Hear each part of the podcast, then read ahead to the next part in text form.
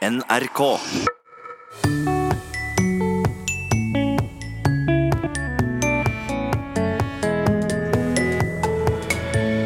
Hvorfor omtales båter som hunnkjønn, undres en lytter. Spørsmålet kom etter at fregatten Helge Ingstad ble omtalt som hund. Altså Det er litt rart da, og litt, eh, kanskje litt vanskelig å finne en eh, god forklaring på det, men, eh, men det er jo pakt med en lang tradisjon, da. Synes du det sys puter under armene på dagens ungdom? Det er intet nytt under solen. Hvis vi spoler tilbake til eh, 1850-tallet, hvor vi også finner det i en Morgenbladet-artikkel hvor man snakker om at man skal ikke sy puter under armene på den fugleste dovenskap og lidderlighet. Men hvor kommer uttrykket fra? Vel møtt til Språkteigen. For et par uker sia kunne vi følge spent med i nyheten på hevinga av den havarerte fregatten KNM Helge Ingstad. Seint søndag kveld 3. mars var den hjemme ved Håkonsvern i Bergen etter et fire timer langt slep. Etter nyhetsrapporteringa fra denne hendelsen kom følgende undring hit til Språkteigen. Hvorfor omtales Helge Ingstad, altså fregatten, som hund? I en nyhetsartikkel på nrk.no hadde vedkommende merka seg at journalisten konsekvent brukte hunnkjønn i omtale av båten. Pussig, da både navnet refererer til en mann og ordet fregatt òg er hannkjønn. Er det slik at båter blir omtalt som hunnkjønn uansett? Vi skal høre mer om det, men først litt mer om navn og båter. Det med navn på båter er egentlig pussige greier. Både gudinnen Frøya og Opplandske Dampskipsselskap har sin skibladner. Olav Tryggvason hadde sin Ormen Lange, piraten Svartskjegg seilte sin Queen Anne's Revenge i det karibiske hav tidlig på 1700-tallet, og dessuten har det britiske forskningsrådet et splitter nytt forskningsskip som har fått navnet RSS, Sir David Attenborough. Very uh, to to. Skipet fikk det navnet etter en navnekonkurranse, der et helt annet navn egentlig gikk til topps. Does a little part of you, Sir David, actually miss the fact that we didn't call it Boating McBoatface? I mean, does your sense of humour extend that far? Men Forskningsrådet synes ikke at Boaty McBoatface var forskningsskipet verdig. But, but the, the name actually is going to be preserved on one of the submersibles, which actually going to be operating from this uh, the research ship when it's built. Så har vi historien om eh, Helge Ingstad. Jeg er født i Meråker i Trøndelagen. Han var jurist, forfatter og arkeolog. Han levde en periode som pelsjeger i Canada og var sysselmann på Svalbard. Og det som ikke interesserte meg noe særlig, det var skolen. Det som interesserte meg, var å mest var å flakke omkring til fjells. Han har et fjell oppkalt etter seg i Alaska. Ingstad Mountain heter det. Det renner òg ei elv gjennom Canada som heter Ingstad Creek. Og la oss ikke glemme at asteroiden 8993 Ingstad er oppkalt etter nordmannen. I 2009 ble den òg hedra her hjemme. Sjøforsvarets KNM Helge Ingstad ble satt inn i tjeneste. Fregatten var ett av fem i det Forsvaret kaller Fridtjof Nansen-klassen. Søsterskipa, eller brorskipa kanskje, er nettopp KNM Fridtjof Nansen, Roald Amundsen, Otto Sverdrup og Thor Heyerdahl. Herrer som uten tvil fortjener å ha navna sine på skipsskrog. Men da KNM Helge Ingstad ble slept fra sitt ulykkessted, ble det allikevel sagt at hun ble slept hjem til Håkonsvern. Det sa Helle Therese Kongsrud, og nettopp det siste der er det vi undrer oss over. Og Per Norseng, du er seniorkonservator ved Norsk Maritimt Museum og professor ved Universitetet i Sørøst-Norge. Er det ikke litt pussig dette at båter eller skip blir omtalt som hunnkjønn? Eh, Ja, altså det er litt rart da, og litt, eh, kanskje litt vanskelig å finne en eh, god forklaring på det, men, men det er jo pakt med en lang tradisjon da, om at skip gjerne omtales som hund, eller henne. Uh, uavhengig av om navnet på det enkelte skipet da, skal vi si, har maskulin eller, eller feminin karakter, eller er helt kjønnsnøytralt. Og, og, og det er ikke bare vi her i Norge som uh, har drevet med dette her, men, eh, men også engelskmenn og, og i mange andre utland. Men vet vi hvor det kommer fra? Nei, jeg har prøvd å finne ut det etter at eh, noen spurte om det. Ja. Men eh, noe sånn definitivt eh, svar har ikke jeg klart å finne. Da. Men det er, jo, det er jo en del ulike forklaringer som er i sirkulasjon, og med, med, med mye folkevittighet. da. Eh, Gutteprat mest, får jeg vel si, knyttet til dette. her. Kan du foredra litt grann for oss hva som er Ja, altså Hvis man googler litt på dette her, og så vil man jo finne opp mye sånne eh, altså, Folk som har laget lister over momenter da, som, eh, som, som viser at skip eh, har eh, mange av de samme trekkene som kvinner. da. Sånn som at hun må styres, hun er eh, dyr i drift, må sparkles og males mye for å holde seg pen, eh, osv. Det finnes mange, mange sånne da, eh, rundt omkring som eh, ja, bygger egentlig på mannssjåvinistiske, eh, stereotypiske forestillinger om kvinner. da. Eh, Men, eh, men det finnes jo forklaringer, og også på en måte blant disse som det kan ha noe for seg. Altså dette med, Det er jo regelmessig menn da, sånn historisk sett som har vært både skippere og, og, og eiere av skip. da. Og um, det kan ha noe med form å gjøre, rett og slett. Altså, noen antydet at skip har liksom runde, litt feminine former. Og vi bruker jo altså Et uttrykk for et skips lastekapasitet da, i sånn historisk sammenheng har jo vært drektighet. Akkurat. Og det er jo en sånn, et bilde da, eh, som peker i retning av noe, noe feminint. da. Eh, Sånn i, i forlengelsen av dette her med, med skal vi si, kvinnelige egenskaper osv., så, videre, så så har jo også noen antydet at det kan altså Litt sånn romantisk at eh, skipets eier, eh, kaptein, får noe av det samme forholdet da, til eh, sitt skip som, som, som til sin kvinne, og så omfatter skipet med noe av den samme omhet og, stolthet da, eh, som man gjerne gjør eh, eh, med sine kvinner. Eh, så er det jo også blitt pekt på at enkelte ord for skip da, eh, er jo, er jo hunnkjønn. I norsk sammenheng skute. Ja, ei skute. Ei skute, sier vi. Ja. Det kan ha noe å si, men vi ser også en båt og ett skip. Eh, Noen Jeg har sett noen referanser, i noen halvseriøse eh, internettkilder på i, fra engelskspråklig sammenheng, da, hvor, hvor det er pekt på at eh, dette kan ha noe med innflytelse fra latin. altså Det, det latinske ordet for skip, eh, navis, er et hunnkjønnsord. Og latin har jo hatt stor innflytelse, ikke bare på de romanske språkene, men også på andre vest, altså europeiske språk. Altså Ikke bare på ordbruken, men, men, men også begrepsdannelsen. Så det kan kanskje være noe i, i det. Men ingen entydig forklaring på dette her eh, merkverdige med at eh, båter, uansett om det er en fregatt eller båt eller ei skute, blir kalt, for, eh, blir kalt med hundkjønn? Nei, vi har ikke klart å finne det. Og, og ikke bare uavhengig av hva slags skal vi si, betegnelse og hva slags grammatisk kjønn den betegnelsen har, som det er snakk om sånn som fregatt eller båt, men også uavhengig av, av, av det individuelle skipsnavnet. altså. Nå må det jo sies at dette er jo en språkbruk som er på vikende front. Er det det, ja? Det, det, det, jeg har ikke noen statistikk på det, men jeg har en følelse, dette er bare en følelse av at altså, det er noen som bruker dette fordi at de står i en tradisjon, en maritim tradisjon, og, altså, som de har tilknytning til. Eh, og så er det nok an, kanskje litt sånn jåleri også da, blant eh, mannfolk. Det er jo en måte å vise at man på en måte er litt maritim på, om man er seilbåteier eller motorbåteier eller hva det er for noe, og vil liksom være litt, litt sjømann. Men hvis vi går fra kjønn og til navn, må det være spennende eh, når det gjelder båter. Og jeg har forstått at her er det snakk om moter. det er skiftende moter når det gjelder navn.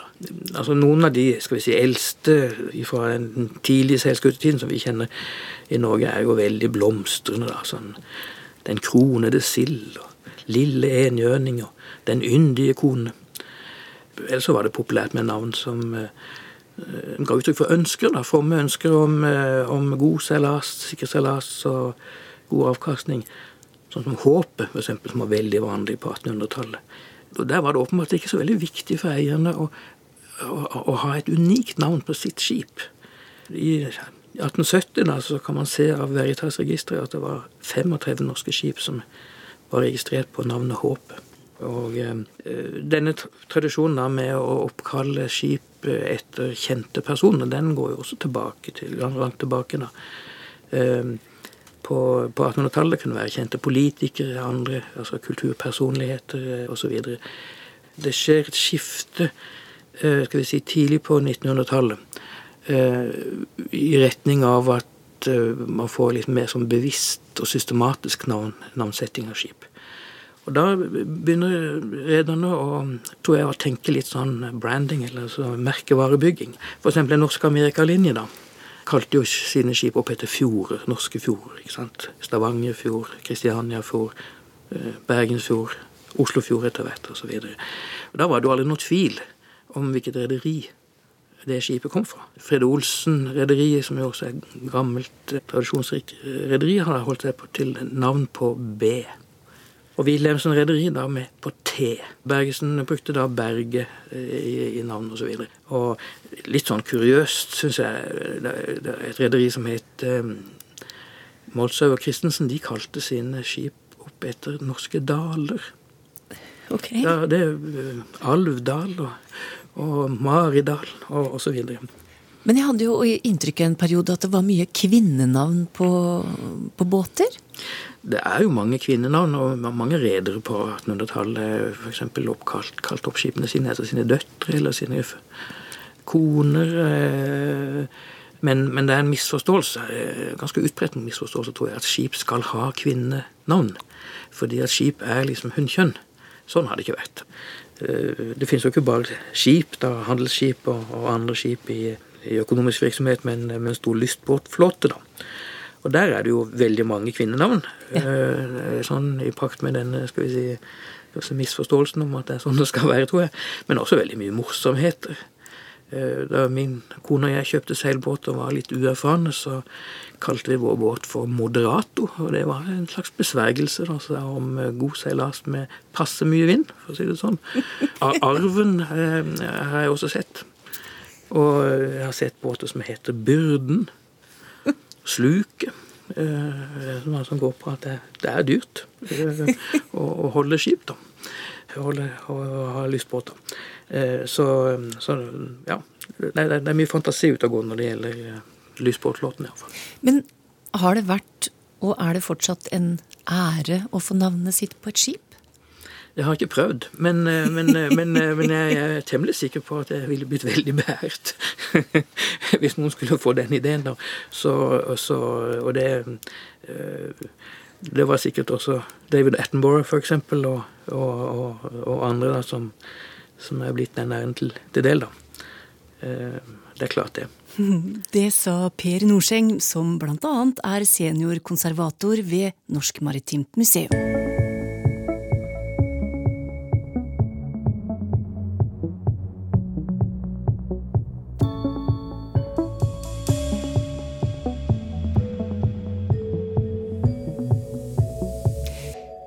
Høst hadde Språkteigen en serie om søm, design og språk.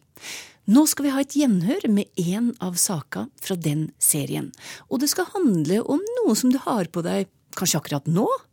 Jeg prater om et av verdens vanligste plagg, nemlig olabuksa, eller jeans om du vil, og vi blir med reporter Helle Therese Kongsrud til Amerika.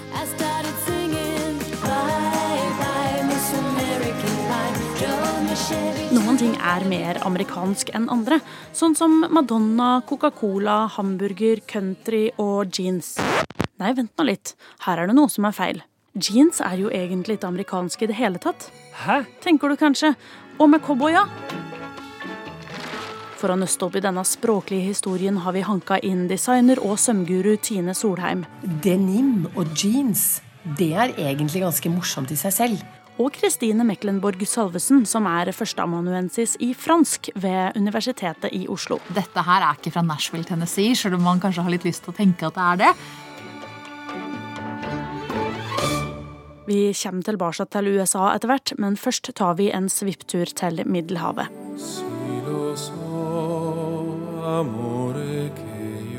Jeans.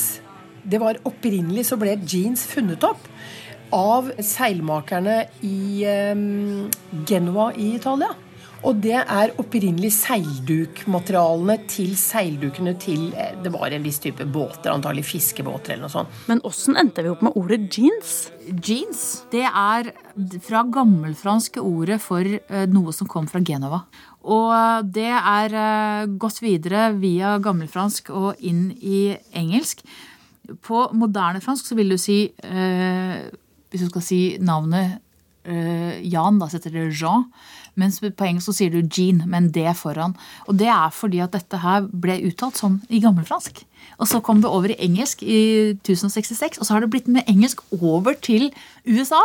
Og så er det derfor har det kommet tilbake igjen som Jean. Så du har gjort en liten verdensomseiling? En liten verdensomseiling der. Og det er, eh, det er jo morsomt, men det er altså Genova, stoff fra Genova. Og det her er veldig solid vevd stoff. Så solid var det at det fikk nye bruksområder. Og så var det en eller annen som fant ut at det var midt i blinken å begynne å sy bukser ut av, og de ble veldig slitesterke. Og ikke minst populære. Og hadde datidas patentstyre vært kobla inn, er det ikke sikkert at den neste delen av historien hadde skjedd. Dette begynte de med da i Genova, da, i Italia. Men så var det byen i Frankrike som het Nim. Det er en veldig kjent by for både stoffabrikker og eh, farging av stoffer. Og de er veldig kjent for forskjellige typer blåfarger og sånn. Så de tok da dette mm, seildukmaterialet og fant på at de skulle farge det blått. Og dermed så, begynte, så rappa de omtrent hele konseptet, da. Eller i hvert fall lanserte det på markedet i blått. Og plutselig hadde vi et helt nytt stoff. Denim, som man tror det heter. Og det gjør det jo, slik vi kjenner det nå. Men det bærer en annen historie i seg. De Nimme. Og nimme er da en fransk by, og dø betyr fra. Så det er rett og slett eh, stoff fra Nim som blir til denim. De Så disse to tingene her, altså Denim er den franske og jean den italienske. Og begge deler høres da ut som det er fra Selinas i California eller noe sånt. Men det er det altså ikke. Selv om det er jo der moten på en måte har oppstått. da. Moten, ja. Men stoffet ble først tatt i bruk fordi det var så solid og slitesterkt. Ja, nå har vi snart våronna her. Da begynner slit og strev, og da må man være godt kledd. Det, det gjelder å ruste seg. Ja, har du hørt hva de sier? Brynjedongeri er arbeiderens beste rustning. Ja, så det. Brynjedongeri? Ja. Brynjedongeri fra Stene og Isaksen i Fredrikstad. Det er de beste arbeidsklæra som fins. Det finnes òg en historie om at de første buksene av dette stoffet ble laga etter at Levi Strauss hadde tatt med seg noe av dette seildukstoffet fra Genoa til gruvearbeidere i USA. Meninga var at de skulle sette opp telt, men de hadde større behov for arbeidstøy. Dermed fikk de tilkalt en skredder, og resultatet var de første jeansa som etter hvert kom tilbake til Europa.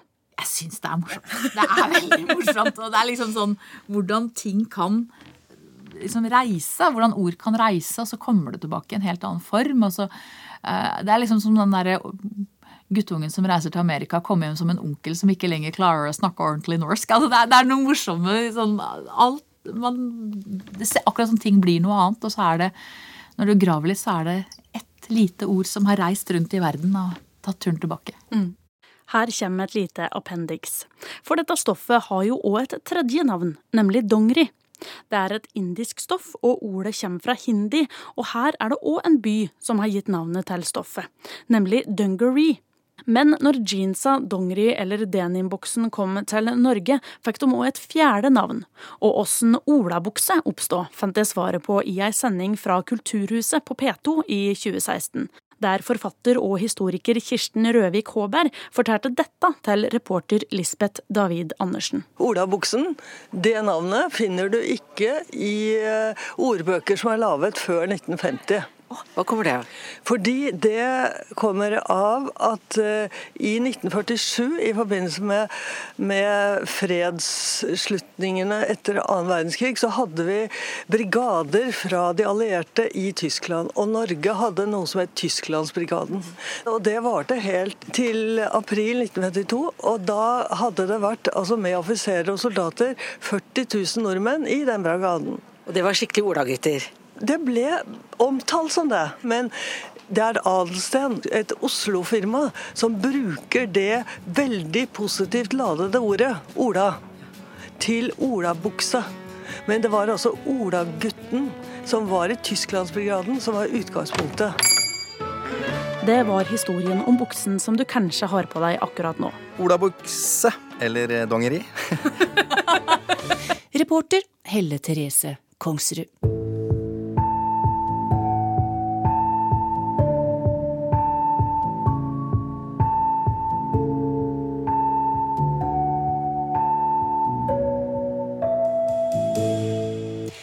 Vi skal ha en bunke med lyttespørsmål i dag òg, og det er Georg Kjøll som skal få svare. Det første kommer fra Ingrid Solli. Hun skriver Jeg lurer på opprinnelsen til uttrykket å telle på knappene. Altså det å ikke klare å bestemme seg for hva en skal gjøre for noe. Ja, altså her er eh, grunnbetydningen veldig bokstavelig. Her er det en person med en lang frakk med masse knapper på, som eh, teller nedover knappene for å finne ut om han skal gjøre noe eller ikke. Så han teller øverste, og sier han skal, og nummer to sier han skal ikke, skal, skal ikke. Og siste knapp i rekken, det er det som eh, blir det avgjørende i et valg. Så eh, veldig kort og greit, og veldig sånn når man kjenner sammenhengen, så gir det veldig mening. Og vi ser at uttrykket har vært brukt i skrift lenge, siden starten av 1900-tallet. og Vi finner det på dansk og på svensk, og vi finner det igjen i, i, i litt ulike barneregler og sånn.